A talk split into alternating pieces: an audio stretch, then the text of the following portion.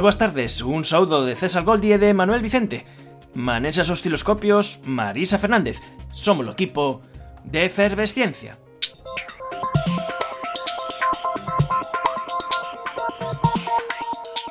Só a montaña ten vivido abondo para escoitar e para comprender ou veo dun lobo.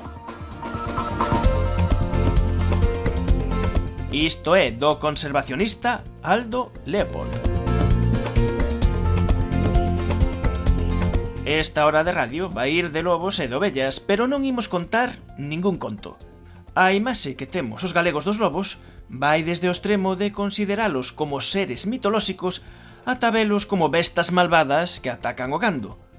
Como diría outro, unha clásica relación de amor-odio.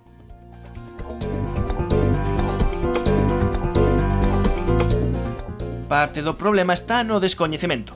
Por exemplo, unha enquisa recente que a profesora de Ciencias da Educación da UCC Blanca Puig pasou aos seus alumnos atopou un baixo coñecemento da realidade do lobo.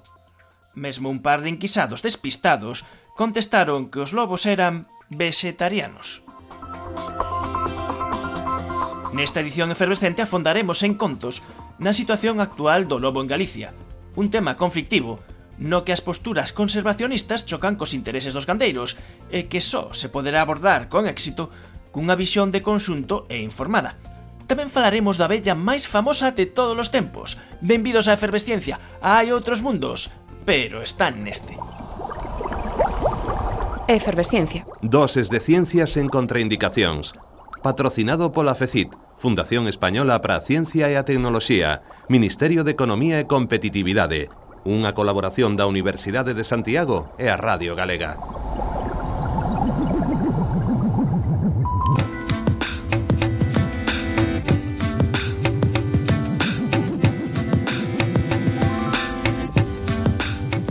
Tempo da conversa desta tarde contamos nos nosos estudos co biólogo especializado no estudo lobo Pedro Alonso. Moi boas tardes, Pedro. Hola, boas tardes, que tal? E tamén está conosco César Goldi, que últimamente colleu afición á efervesciencia e nos encantadísimos. Boas tardes, César. Hola, boas tardes. Sobre todo encantadísimo despois de coñecer a boa de Einstein en persoa. A verdade é que sí. E ademais, eh, César, creo que coñeces tamén o convidado desta tarde, por eso te invitamos outra vez. Sí, eh, Pedro Alonso pois eh, andaba pola Facultade de Biología, andaba con millor eh, tuvo tivo máis éxito que a min como biólogo. Eh, eh, eh, so, somos amigos desde fai, desde fai moito tempo. Mm. E non quería perderme de estar en persoa aquí pois na, na entrevista en Efervesciencia. Ademais, tendo en conta que na miña carreira como actor pois hubo unha vinculación importante co mundo do lobo. Porque fixeches, estiveches nunha serie que o protagonista era un home lobo, un lobisome. Sí, sí, sí, un lobisome e eu era pois un dos guardia civiles encargados de investigar os extraños sucesos que, que acaecían nese nese pobo que se chamaba Calenda. E tamén en teatro estiven nun, nun espectáculo que chegou a estar nominado os María Casares como mellor espectáculo que se chamaba Caperucitoloxía, onde un dos papéis que interpretaba eu era de lobo. Así que, bueno, e o mundo dos lobos xa desde pequeniño me ten abrallado, non? Xa desde que veía os programas de Félix Rodríguez de la Fuente. E teño a primeira pregunta para... Ben, xa están establecidos os nexos. Para Perico, que era como lle chamábamos os colegas. É certo que Félix Rodríguez de la Fuente, os lobos que saían na, na súa serie estaban adestrados, que non eran salvaxes, de verdade?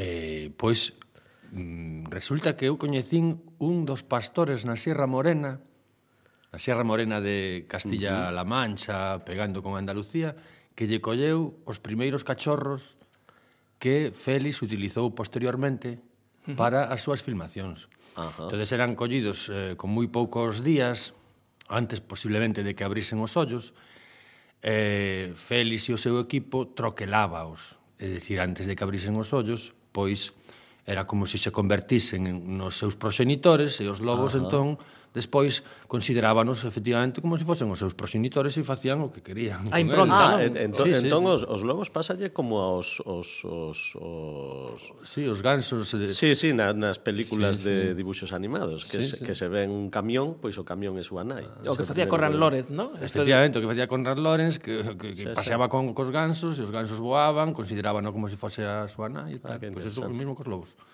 Mm -hmm. Mira, pois eh, eu coñézote desde hai case tres décadas, entón que deben ser as mesmas que levas estudando os lobos. Sí. Como, como empezaches? A primeira así, experiencia máis forte quizá foi... Bueno, como moitas outros compañeiros e compañeras, eu empecé nun grupo ecoloxista naturalista. Sempre decimos un grupo naturalista metido a ecoloxista por obrigación, porque como veamos que o, eh, o noso entorno natural pois, pues, iba degradándose, pois pues, entón te metes a ecoloxista. Entón, a primeira foi na Serra da Groba, que é unha serra que está entre o Concello de Bayona e o Concello da Guarda, unha montañosa que chega a 600 metros de altitude, que hai moitos potros, cabalos e tal, aí entraran os lobos e empezaran a facer dano, a matar poldros, e fóramos ver precisamente no ano 84 aproximadamente, eh, a partir da primavera, verán, uns danos eh, que fixera o lobo sobre os poldros, e encontramos os poldros mortos, devorados e tal. Esa foi a primeira vez que tuven así un vínculo con unha experiencia así de de Lobos, non? A posteriori foi xa no 89 que xa empezamos a dedicarnos moito máis sistemáticamente, pero non é que teñas unha pois non sei, un chispazo que sei, digas, ah, aquí me vou dedicar a isto, non? Pero pouco a pouco unha experiencia vai alimentando unha motivación ou unha vocación e ao final pois acabas meténdote a fondo niso. E estudar os lobos eh, que semella algo fascinante, eh, o mellor compre explicar que non é tan sinxelo como parece, porque para vos están ocultos moita parte do tempo, mm. e tedes mm, indicios, eh, rastros, ou, por exemplo, é difícil para facer unha cousa que pode parecer eh, doado a primeira vista que facer un censo, saber eh, eh, nas mandas cantas crías sais, Eso é super complicado. E, eh, e eh, tens que facelo indirectamente eh, a partir de outros datos que vos dan eses datos e a partir de aí facer eh, as estimacións, as estimas de cantos lobos, por exemplo, hai en Galicia. Non é doado non. facer todo isto. Claro, non é o que se pensa de que chegas a un monte e ale, ves os lobos como se fosen gaivotas, non? A mm. contalos e a ver, observar as súas pautas de comportamento. Entón, non, os lobos non se deixan ver, son difíciles de, de por tanto, de, de efectuar observacións prolongadas e saber cantos son, a, a conducta, as edades, non. Entón, tens que primeiro seguir os rastros, os indicios de presencia, necesitas dedicarlle moitas horas de campo a, ao rastreo, mm, a buscar por onde andan, teste que armar de paciencia para poder observalos en esperas determinadas, en lugares concretos e a horas determinadas, non? E despois utilizar tamén métodos que se cadra pois, te, pode, te poden proporcionar máis información, deixar cámaras, bueno, en fin. Total que, eh, como diste, precisa un esforzo de traballo moi grande, precisa tamén eh, esforzo físico, moitas horas en zonas mm, apartadas, noites enteiras eh, esperando uh -huh. ou, ou estando un pouco pendente do que do que do que se escoita, do que do que se move e, e sempre por, por tratar de, de conseguir información obxectiva que che poida permitir saber por onde andan, eh, que, que frecuentación fan de determinadas zonas e a posteriori, pois, bueno, tratar de localizar zonas de reproducción e, pois, xa son cuestións máis pois, de extrapolación. Consideras que nunha zona hai reprodución, pois estimas que hai entre 7, 8 ou 9 lobos e pois ese como se fan os conteos realmente, non?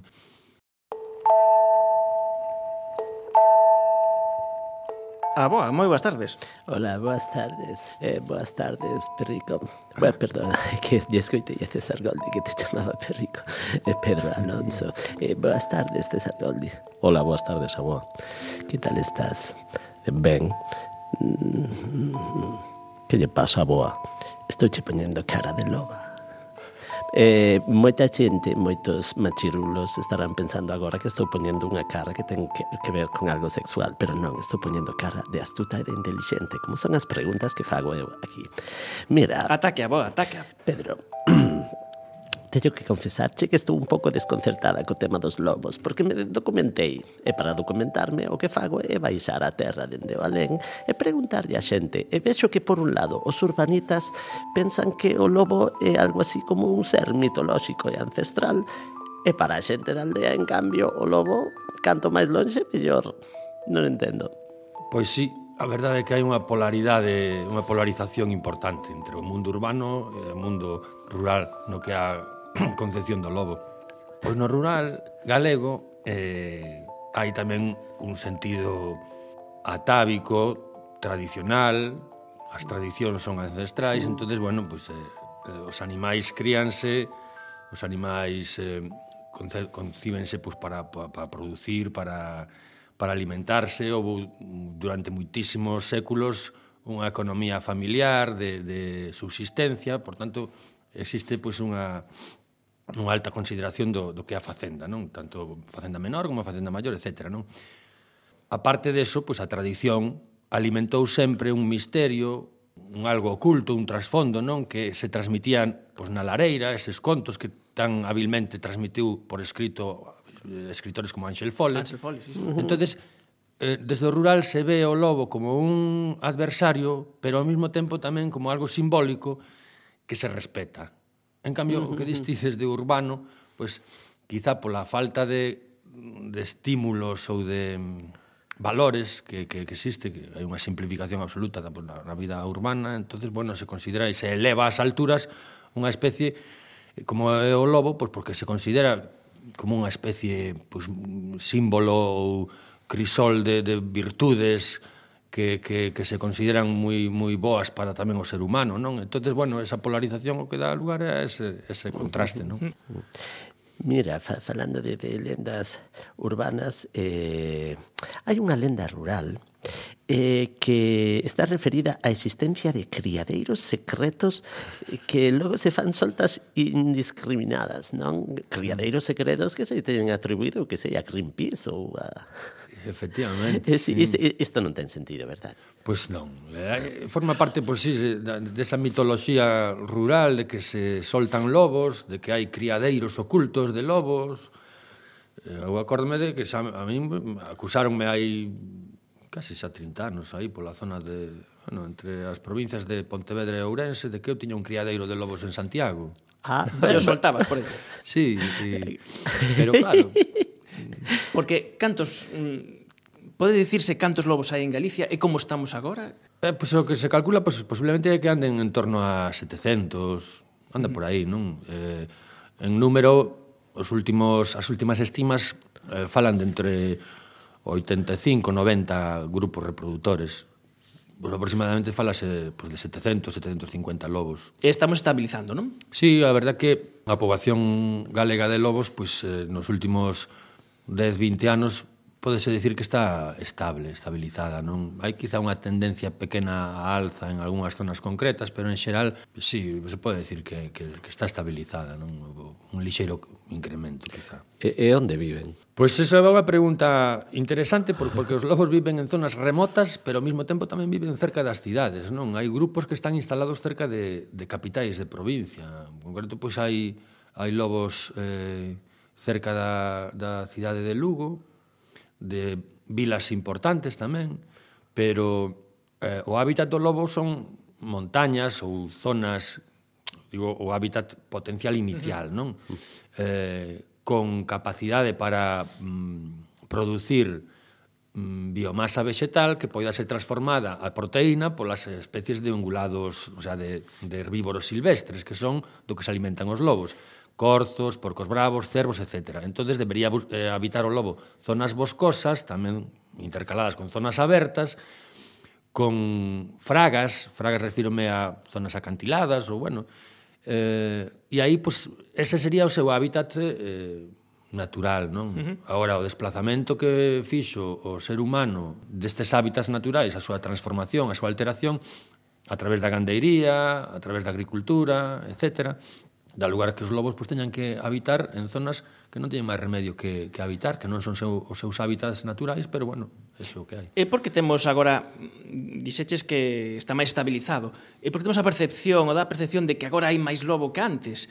Eh, ten que ver o mellor por ese desplazamento, por, por, por ese, esa mistura de, de, de hábitats? Que pasa aí?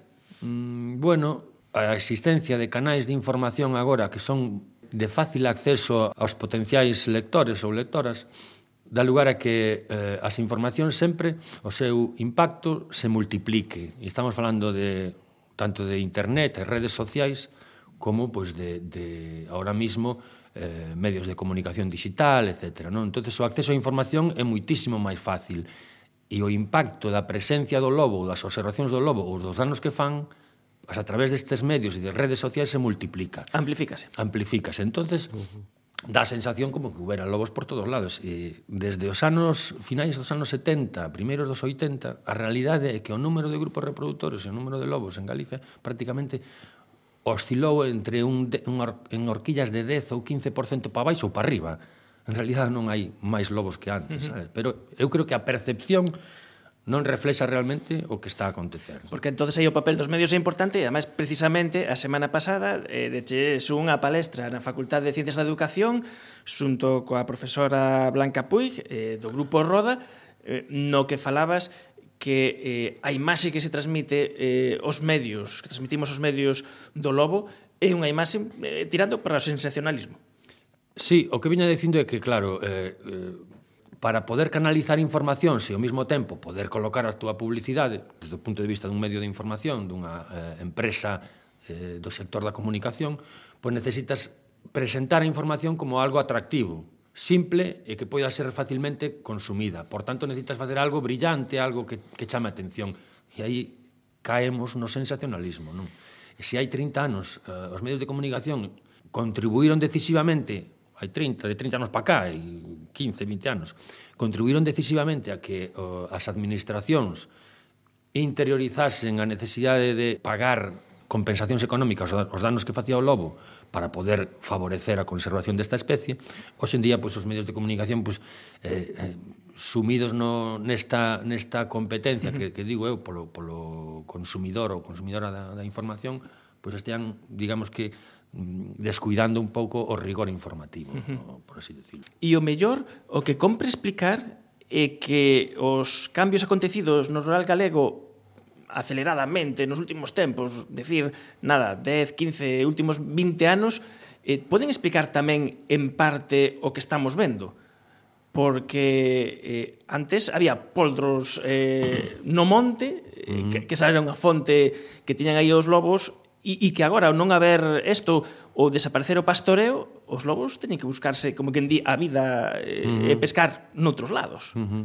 Sí, os cambios son terribles, porque imaginadevos que a sociedade galega rural pasou en un corto período de tempo, en menos de 30 anos, pois casi dunha economía de subsistencia a ter que profesionalizarse nos, basicamente no sector terciario, na, na emigración. A emigración basicamente é unha emigración interior, porque uh -huh. se fala moito da migración exterior, é dicir, fora de Galicia, pero a migración interior que se produce entre aldeas, lugares cara ás vilas, é terrible. Entonces hai unha ausencia pola semana dos eidos nativos uh -huh. non? para volver o fin de semana. Entonces eso permite tamén desenvolver unha serie de aproveitamentos que non máis que que son percibidos como estar presentes durante o fin de semana, entonces aí surxe o conflicto porque pretendemos mm, rendabilizar terras de monte ou terras agrarias con gandería, por exemplo, extensiva, non? Sin dedicarlle o, o necesario control. E o que, o que acabas de dicir ti, Manuel, de, de que se produce por outro lado, descensos en cabanas gandeiras, como poden ser as de cabalos, hai menos disponibilidade de alimento en algunhas zonas mmm, procedente das especies silvestres para o lobo, entón eso dá lugar a ataques mmm, repetitivos, recurrentes en algunhas zonas, E iso, evidentemente, pois é un drama para, para algunhas economías familiares, non? Pero aí hai un cambio, non? Ese cambio de, de decir, bueno, pois eh, tiña... Eh, o lobo busca as súas presas, tiña unha disponibilidade de alimento que estaba per se no monte, ese, ese alimento que ten un factor humano mm, está a desaparecer, entonces eso pode explicar os, os ataques a vacas e, e todo isto pode explicarse que é máis difícil, supoño, que para un lobo ter uh -huh. que, que internarse e atacar unha explotación que o mellor pois atacar pois un poltro, non? Por exemplo. Bueno, tamén temos que temos que considerar que unha parte importante da poboación galega de lobos, por así decirlo, o tercio que mira cara ao mar, cara á costa, ocupa hábitats moi alterados. Eh, a disponibilidade de alimento nestas zonas basicamente pois é de de gando. Uh -huh en forma de poldros, de cabalos de monte ou vacas, tamén de, de carne criadas en, en réxime semiextensivo, ou agora mesmo tamén pois, de, explota, de vacas das explotacións lácteas que pastan tamén en semiextensivo. Non? As densidades, as abundancias de especies silvestres nestas zonas son moi baixas. Entón é difícil realmente desenvolver unha conservación do lobo para poder amortecer todo a, a alarma social que supón un nivel de, de ataques á gandería como que supón actualmente isto, non? Entón, non se poden pretender aportar solucións ou, ou suavizar este conflicto a corto plazo, porque implicaría modificar os hábitats, eh, facerlle sitio a especies de herbívoros eh, silvestres. Estas zonas son zonas densamente pobladas, con unha, un número de kilómetros por, de carreteras, de estradas asfaltadas por kilómetro cuadrado moi elevado, uh -huh. a elevada densidade de especies de herbívoros silvestres, por exemplo, por corabo ou corzo, nestas zonas trae conflictos tamén co tránsito de vehículos, non? Pero hai que facer o esforzo. Evidentemente, se queremos ter unha poboación estable de lobos sin ningún conflicto de tipo xenético, pois pues debemos fa facilitar que existan lobos nun, no territorio, non de maneira coherente. Pero iso pasaría tamén por recuperar os hábitats, implementar medidas preventivas para evitar ataques na gandería e facilitar pois, que estas especies de herbívoros silvestres pois, teñan tamén o seu lugar no, no espacio de monte non de Galicia. Mira, eh, com, eh, eh, eh, como... a ver, que, que lle pasa a boa? Por que me mira así? Eh, porque aquí as preguntas interesantes as fago eu, entendes, Sergio? Aldi? Bueno, bueno, pregunte, pregunte. P perdoade, eh, que haxe. Sí, sí. Eh, eh, como é a estrategia de caza dos lobos?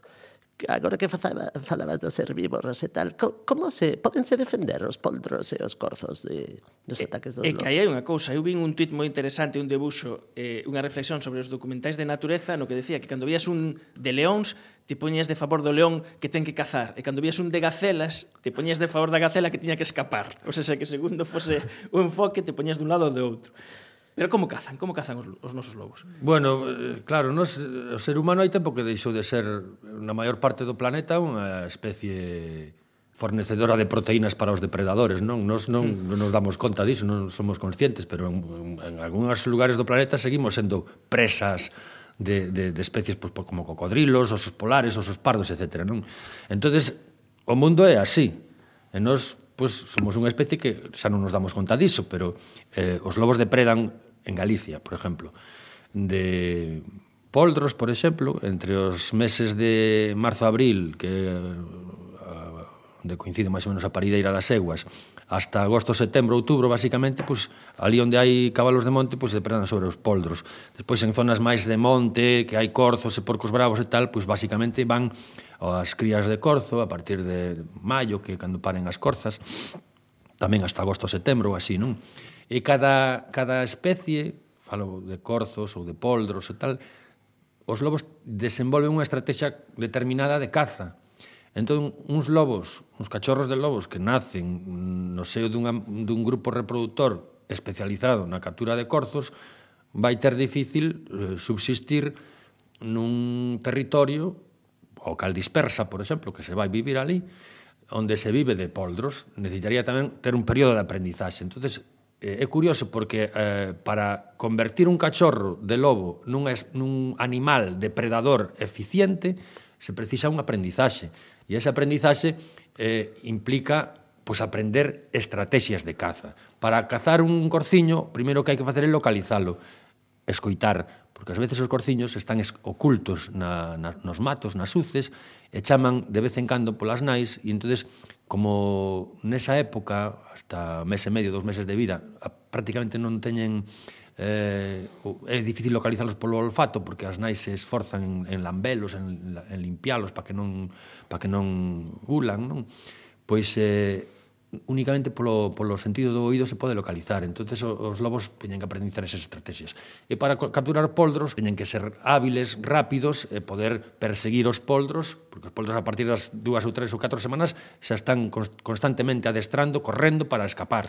Eh, chegalles conferilos, porque mm, non se trata a mellor de capturarlos no momento, senón que eh, o período de reproducción, o período de reproducción eh, moi pequeniño, moi mm. acotado no tempo, precisamente eh, para minimizar as posibilidades de caza dos lobos, e o que fan os lobos eh, é abrir unha conta no banco. Como está isto da conta do banco? Como fan? Sí, é unha metáfora que, que se me, outro día. Que se me ocurreu, sí, unha especie de investimento, non? Os lobos Toma. A partir de, de cando os poldros teñen tres meses, dous meses e medio, pues, son moi difíciles de capturar, entonces os lobos o que fan é, é perseguilos e adentalos na, nos cuartos traseiros, nas patas de atrás, ás veces non se dan capturado, eh, porque su, suxeitalos, eh, amarralos, derribalos e matalos, pois non é tan fácil, non? Entón, adéntanos pola parte de atrás, os poldros pois, escapan, eh, feridos, ás veces con severas lesións, esas lesións infectanse e ao cabo dunha semana ou dez días eh, acaban morrendo estes poldros. Entón, os lobos saben perfectamente os poldros onde, onde os tocaron, pois pues nesta ladeira ou nesta rega aquí hai un, un poldro, vamos, entonces pasan por ali cada X tempo, iso é unha especulación que teño eu, e entonces eh, saben cando o poldro pois, pues, está máis debilitado, volven, volven a actuar, entonces eh, pois, tocan igual tres ou catro poldros en, en un monte amplo e van tendo eso que digo eu, un, unha conta no banco. Xa a conta no banco vai rendendo ao pasar o tempo, non? Pois eso en que consiste a... Mira, a min díxome un paxariño que ti tiveche xa e que che vai ese tema, non? O tema experiencias eh, no, no tema do audiovisual. Iso contello eu a boa. Sí, aquí está o pajarraco este. Mira, Todo isto daría para un documental magnífico, non? Un documental xenuinamente galego sobre os lobos, e, eh, quen sabe, con máis derivación sobre todo isto tan interesante que falabas das migracións interiores, e, eh, eh, todo isto, non? Hai algún proxecto por aí? Sí, estamos uns compañeiros, máis eu, eh, sí, facendo un documental. Facendo o guión ou xa facendo o no, documental? No, está prácticamente, temos moi avanzada a fase de grabación, Aí está va. rematada. E que primicia, Manuel. Sí, falta a fase de edición. Eh, o que trata ese documental é de describir a, a vida dos últimos pastores de, de ovellas e cabras na, nas serras de, do macizo central de, da provincia de Ourense. Ultimísimos. Os últimos pastores quedan sete nada máis dormindo no verán en cabanas que hai no alto das montañas e, e os lobos que hai nesas zonas. Entón, é moi interesante porque porque se mezcla tanto a mitoloxía como a tradición, a cultura, son zonas que sabedes que no Entroido teñen unha peculiar celebración do Entroido e iso é debido a, a que eran sociedades pastoriles e tamén unha zona con presencia notable, significativa de lobos pero lobos que agora mesmo non apenas fan dano. Entón, é unha maneira de, de, de plasmar como a través da prevención do uso de cans mastins especializados se pode tratar de favorecer a convivencia entre os lobos e os pastores, e o mm. pastor e a gandería está ensiño. Eu pude tiven a sorte de ver un tráiler do documental e ten moi boa pinta, que máis privilegio. Moi ben currado e además facendo uso desas das tecnoloxías, con videotrampeo, con drones, bueno, con todo o que ten que ter agora un documental. Oh, moitas gracias. Eh, mira, Manuel, podo facer unha pregunta? Bueno, aquí co permiso da boa tamén. Mm, bueno, vale. Pero despois temos que falar deste tema, eh, Manuel, de que veña aquí César Galdi. Mira, que meu pai traballou de forestal E sempre contaba que moitas das cousas que se lle atribúen aos lobos, agora que falabas de mesturalos con cans e tal, que realmente habría, habería que atribuirllas o, a, o que lle chaman os cans asilvestrados. Eh, eh, que hai de certo nisto? Ou é, ou é tamén unha lenda rural? o dos bueno, cans asilvestrados. Eh, en realidade, eu creo que máis que falar de cans asilvestrados que agora xa eu creo que poucos pode haber, non? Antes podía haber máis. Eh, son cans incontrolados, cans que, que durmen a cuberto nas casas das aldeas e de repente xuntanse igual un, dous ou así e atacan un fato de ovellas. Eu teño unha, unha, unha cadela de raza podenco que se a deixo solta pues, me, me, me crea unha, unha asociación de, de afectados pol, polas, fechori, polas súas fechorías porque vai as galiñas, non? E así como os poden corban van as galiñas pois pues, algúns, eh, algunhas razas de variedades de cans como os huskies, por exemplo, atacan poden, poden atacar as ovellas entonces hai mm, realmente non podemos establecer un, unha cifra, non? Pero en outros lugares fala de igual entre un 10, un 15, un 20% de ataques de atribuídos aos lobos que en realidad serían destes destes cans incontrolados. ¿no? Uh -huh. Vi unos cachorros, unos cachorritos, entonces yo me, me puse a jugar con ellos y me metí en la cueva. Y resulta que me quedé dormido, vino la loba, ¡bro! y, me, y se quedó así enfocándome con los ojos, y yo me arrinconé allí contra la roca, vino y me empezó a lamerme, y, y ya uno más de la pear. Explicamos, escribiches en Cerna que hai un círculo que se abre e se pecha en rante. Que é isto? Bueno, en rante hai a ver, no ano 74 aproximadamente houve ataques de atribuídos a a lobos a, a nenos, a nenas que, que, que estaban cos pais ou cos avós no, no campo, non? E houve, parece ser que un par de nenos que morreron por ataques de lobos era unha época en que a presencia humana no, no campo era, era maior, a transformación tamén era moito maior, non había eh, o, o boom, por así dicilo, de densidades elevadas significativas de especies silvestres. Bueno, o caso é que se registraron un par de ataques de lobos a, a nenos, E hoxe en día, pois, digo que se cerra, que se pecha en Rante, pois porque ali habita ahora en Rante unha persoa moi peculiar. Que vimos que, de escoitar. Que, que escoitamos Marcos. Na, na radio, sí, Marcos que con sete anos ou así pues, quedou a vivir só na Serra Morena. Eu estuve na, na zona onde, buscando lobos, na zona onde el pasou prácticamente 11 anos a vivir en, en, na natureza máis salvaxe e é unha zona moi espectacular, eu a verdad que atribúo así eh, pois sí, non todas as cousas que conta pois non me non me é difícil de de de darlle crédito, non? Entonces, pois a verdad que el ten a facultade de contar esa experiencia vital e os nenos, as nenas, pois, a verdade é que cando os coitan, estas cousas pois, se maravillan, non? Se, uh -huh. se quedan boquiabertos, non? E é unha, unha oportunidade pois, tamén de presentar outra a nivel digo de educación ambiental, de pedagogía, pois unha forma, outra perspectiva distinta dos, dos lobos, non? E por eso digo que é un círculo que se pecha en Rante, pois porque despois de 30 anos daquela experiencia tan tan negativa, pois agora quizá pois, hai oportunidade de darlle outra outra visión e outro enfoque, non? Ele está vivindo agora en Rante, precisamente. Pois sí, sí, sí. El vive en Rante, desplázase ás veces para contar a súa experiencia pois a Madrid ou a Barcelona ou, onde, ou aquí mesmo a Galicia, non? Para contar esta historia. Música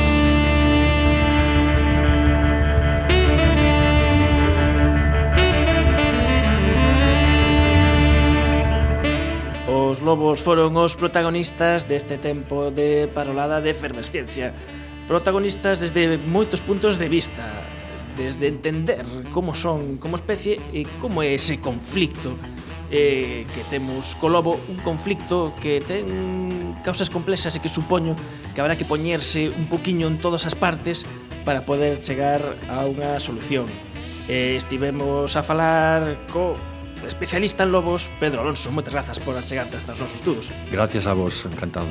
Grazas eh, César Goldi tamén. Eh, moitísimas eh, eh gracias. estar aquí con Goldi tamén despois de tanto, tanto tempo. Bueno, eu tamén estou moi encantada de coñecer a, a Pedro Alonso.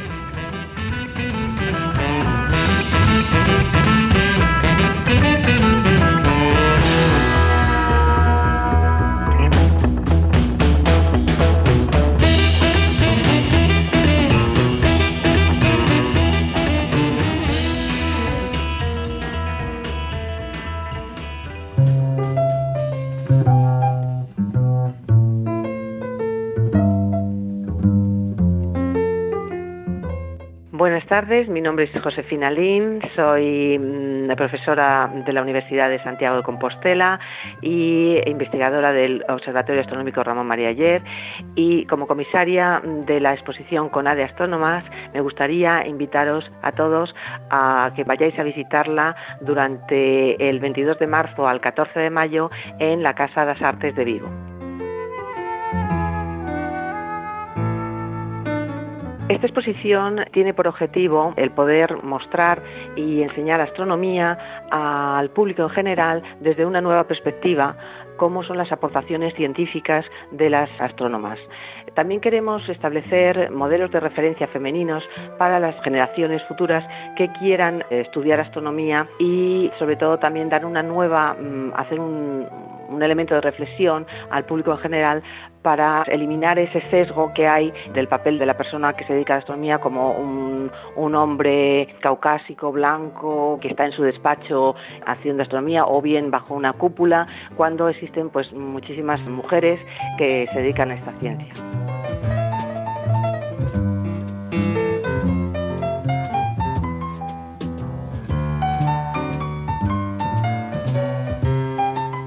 La muestra cuenta con más de 146 astrónomas que han contribuido de forma fundamental al estudio de la astronomía. Por ejemplo, tenemos desde Hipatia de Alejandría, a la que se le atribuyen mejoras en, instrumentos como son los planisferios o como es la esfera armilar. También, mm, avanzando ya en el tiempo, tenemos eh, grandes descubridoras de cometas, entre las que se encuentran pues Carolina Herschel eh, o Caroline Shoemaker.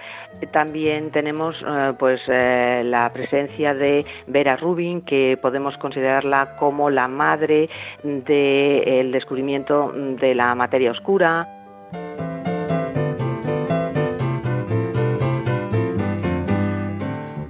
La exposición también se puede sentir y se puede tocar y para ello mm, dispone de siete muebles interactivos con las últimas técnicas museísticas donde el público puede aprender de la forma más lúdica posible que es la de jugar con, con el mobiliario. ¿Jugar a qué? Pues jugar al quién es quién, jugar al trivial, jugar a sabes, a, sabes dónde, ver también mm, unas, eh, en formato cómic La vida de las astrónomas de Harvard. A nosa recomendación efervescente desta semana é a exposición con A de Astrónomas, que se ha de inaugurar este mércores en Vigo na Casa das Artes.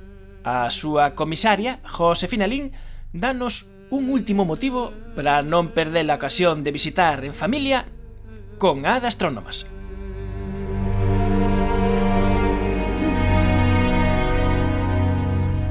Y todo ello además mm, con, un broche de oro final como son las reproducciones de mm, instrumentos astronómicos mm, entre el siglo IV y V, que es la época en la que vivió Hipatia de Alejandría y que son reproducciones que nos ha concedido la productora de Alejandro Amenábar, que fue la que realizó pues todo el material de atrezo para su película Ágora que también se estrenó en el año 2009 precisamente el año internacional de la astronomía.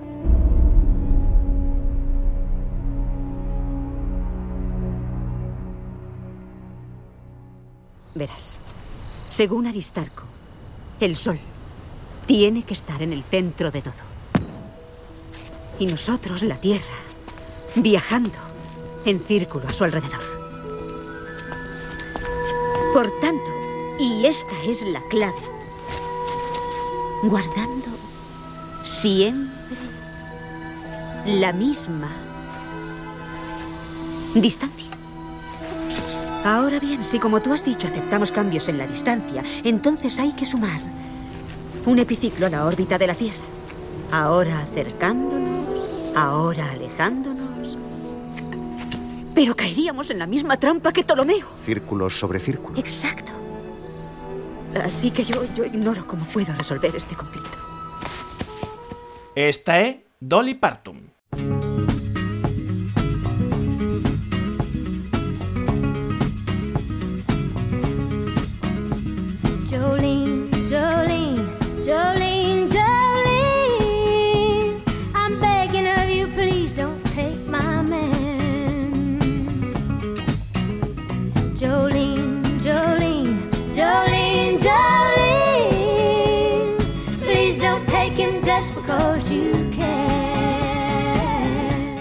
cantante Dolly Parton fixo unha contribución involuntaria á ciencia.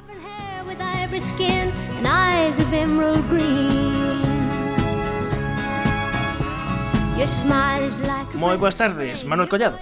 Buenas tardes. Manuel Collado é investigador do IDIS, especialista en células nai e cancro. Cal foi a contribución involuntaria que fixo Dolly Parton ao mundo da ciencia? Bueno, dio nombre a la famosa oveja Dolly.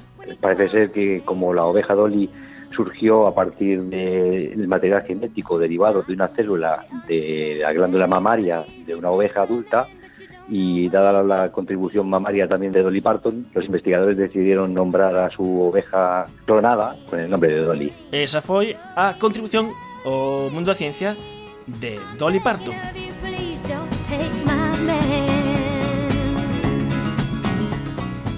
Eh, estamos a falar da ovella Dolly, quizáis a máis famosa eh, das ovellas.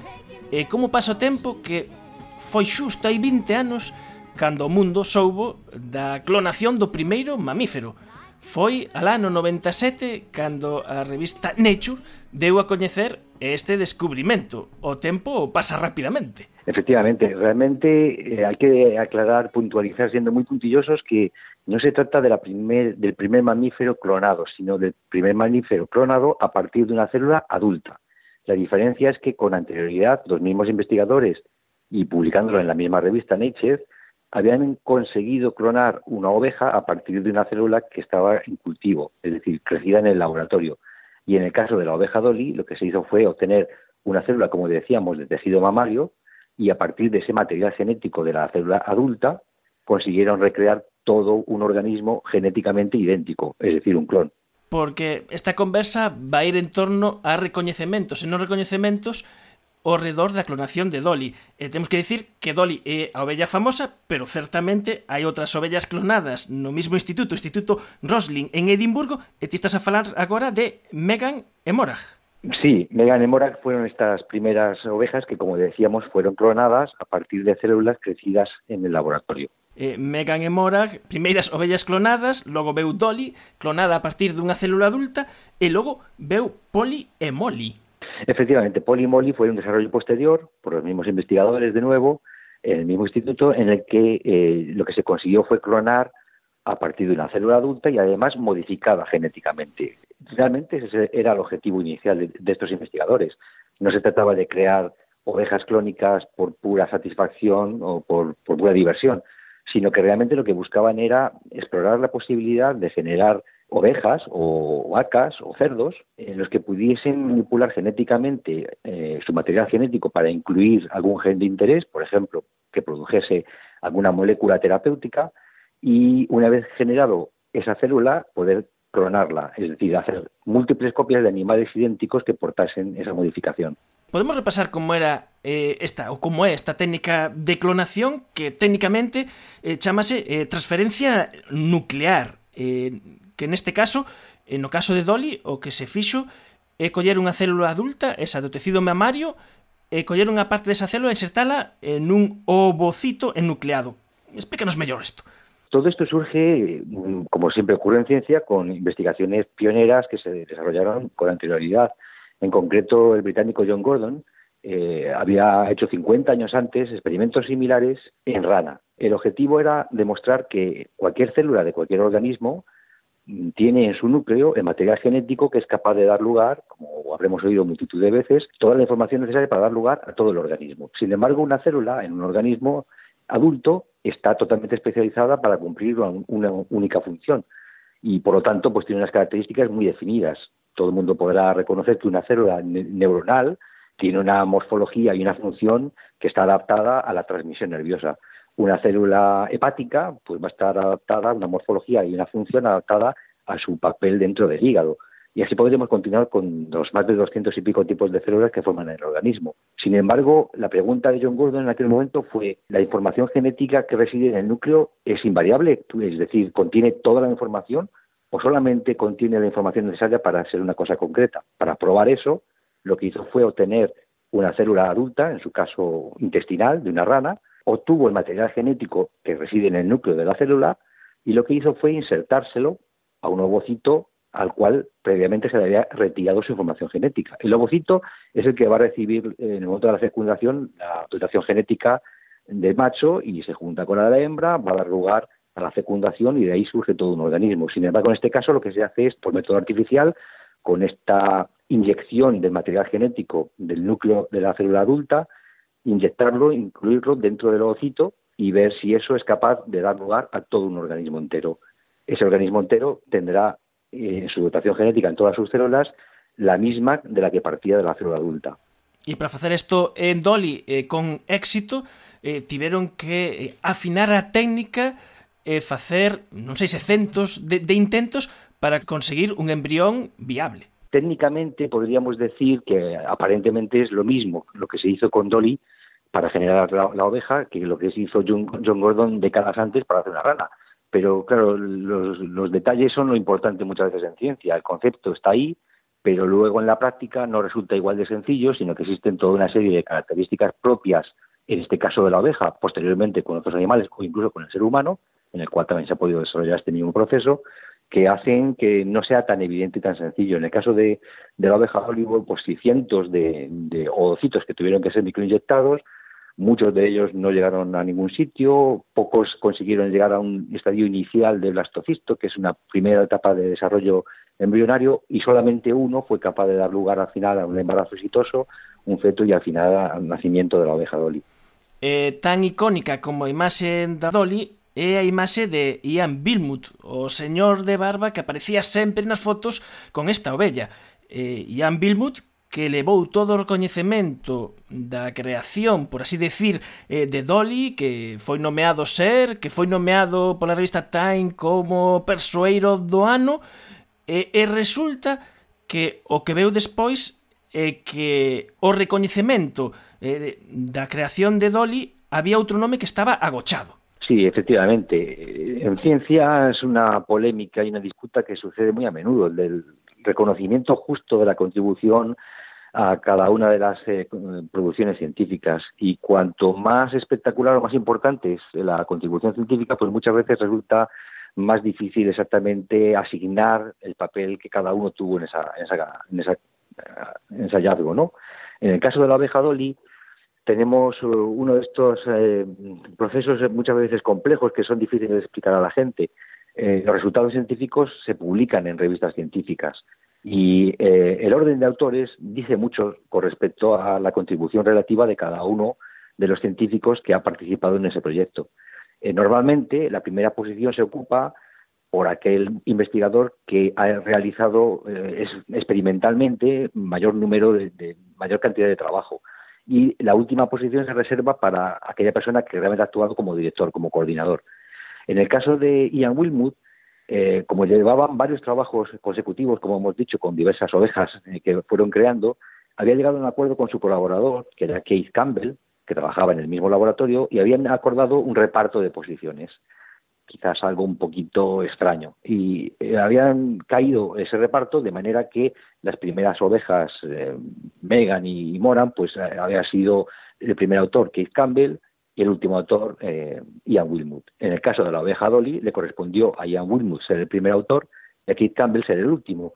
La oveja Dolly fue la que realmente se llevó toda la popularidad mundial y la que, como bien dices, pues ocupó portadas y, los televisores de todas las televisiones del mundo. Y entonces todo el mundo reconoció en el primer autor, Ian Wilmut, a realmente la persona que era responsable de ese trabajo, cuando en realidad Campbell había tenido un, una contribución intelectual incluso más importante, aunque esto siempre es difícil de, puntualizar y de asignar exactamente en porcentajes de contribución, pero se dice que todos estos trucos para poder hacer eh, repetir el proceso de la rana en la oveja realmente pudieron fueron posibles gracias a eh, ideas que tuvo Kate Campbell que conocía bastante sobre la regulación de la división de las células de mamíferos y demás, e él foi el que aportou algunos de los trucos clave para poder tener éxito. E de feito, houbo posteriormente un suicio eh, no que, entre outras cousas, unha, por unha cuestión eh, laboral se puso eh, en suizo mesmamente cal era a paternidade eh, da bella Dolly e o propio Ian Wilmut eh, recoñeceu que Keith Campbell tiña unha contribución do 66%, que xa é moito afinar a contribución de, cada quen. Sí, efectivamente, es un poco afinar demasiado, pero bueno, es revelador el hecho de que en juicio, y como bien dices, por un asunto laboral, con un empleado que había tenido una disputa, eh, llegado el momento del juicio, tuvo que reconocer Ian Wilmut cuál consideraba él que era realmente la contribución relativa suya con respecto al, al resto de los autores y él dijo que realmente eh, en su caso debería ser solamente un tercio comparado con los dos tercios de Keith Campbell. O sea, que consideraba él mismo que la paternidad de la oveja Dolly eh, correspondía más a Keith Campbell que, que a él mismo. Cando no ano 2012 John Gurdon, do que vimos de falar, eh, recibiu o Premio Nobel xunto con Shinya Yamanaka eh, por la técnica de reprogramación eh, eh, eh celular eh, moita se botou a man a cabeza dicindo que non estaba Ian Wilmut, pero moi poucos se lembraron de, Keith Campbell. Efectivamente. Eh, como bien has comentado también antes, Ian Wilmut eh, es el que ha ido acaparando mayor fama y mayor reconocimiento por la creación de la oveja Dolly la clonación de, de la oveja. Y Keith Campbell, sin embargo, pues eh, quedó en un segundo plano. Estas injusticias que se cometen en tantos campos de la vida, ¿no? Y cuando hubo la adjudicación del premio Nobel a Gurdon y a Yamanaka, mucha gente pensó que, al igual que se premiaba la clonación de la rana y un proceso similar, pero que no implica la transferencia del material genético completo de un núcleo a otra célula, sino solamente tres, cuatro factores, que fue lo que hizo Shinya Yamanaka, pensaron que ahí quedaba un hueco por llenar que debía suplirse con la presencia de Ian Wilmut. Eh, yo creo que realmente eh, el Instituto Karolinska, al premiar en, esa ocasión para los Nobel, yo creo que Ian Wilmut consideraron que no era realmente, no había realizado una contribución tan significativa porque la clonación de la oveja Dolly realmente no es un, hallazgo del mismo nivel que supone el hallazgo inicial de la, de la rana, ni tampoco el del japonés Yamanaka, y además probablemente también pesó en ellos esta polémica que existía con respecto al reconocimiento de la contribución relativa entre, entre Wilmut y Campbell.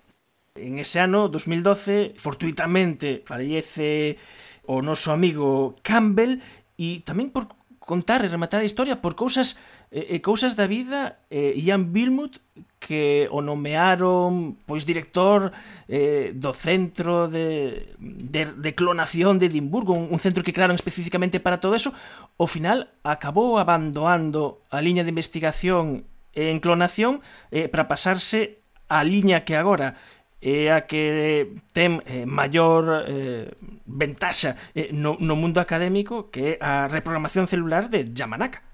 Como ocurre muchas veces en ciencia, podríamos decir eh, no es, no, es, no es exacto, pero podemos decir que vamos muchas veces funcionando por modas. No se trata moda en el sentido de capricho, pero eh, sí que existen unas ciertas tendencias que están avaladas, por supuesto, por eso digo que no es mero capricho, están avaladas por investigaciones de muchos grupos y en aquel momento se pensaba que la técnica de transferencia nuclear que estamos comentando, que sirvió para crear la primera rana crónica o la primera oveja Dolly, eh, realmente no era una técnica que permitiese de una manera eficiente eh, clonar eh, animales.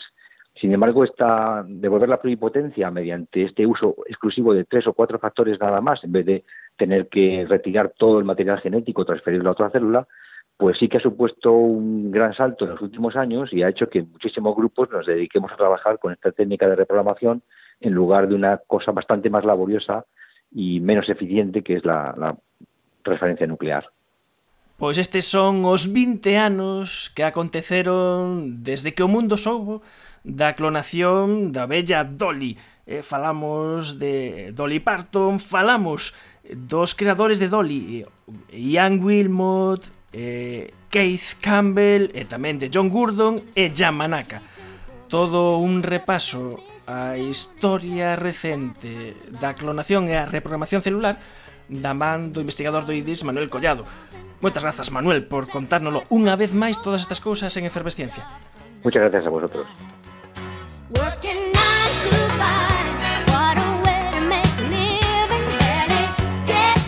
Efervesciencia Patrocinado pola FECIT, Fundación Española para a Ciencia e a Tecnoloxía, Ministerio de Economía e Competitividade, unha colaboración da Universidade de Santiago e a Radio Galega. Escoitámonos, como sempre, o vindeiro domingo na Radio Galega. Adeus.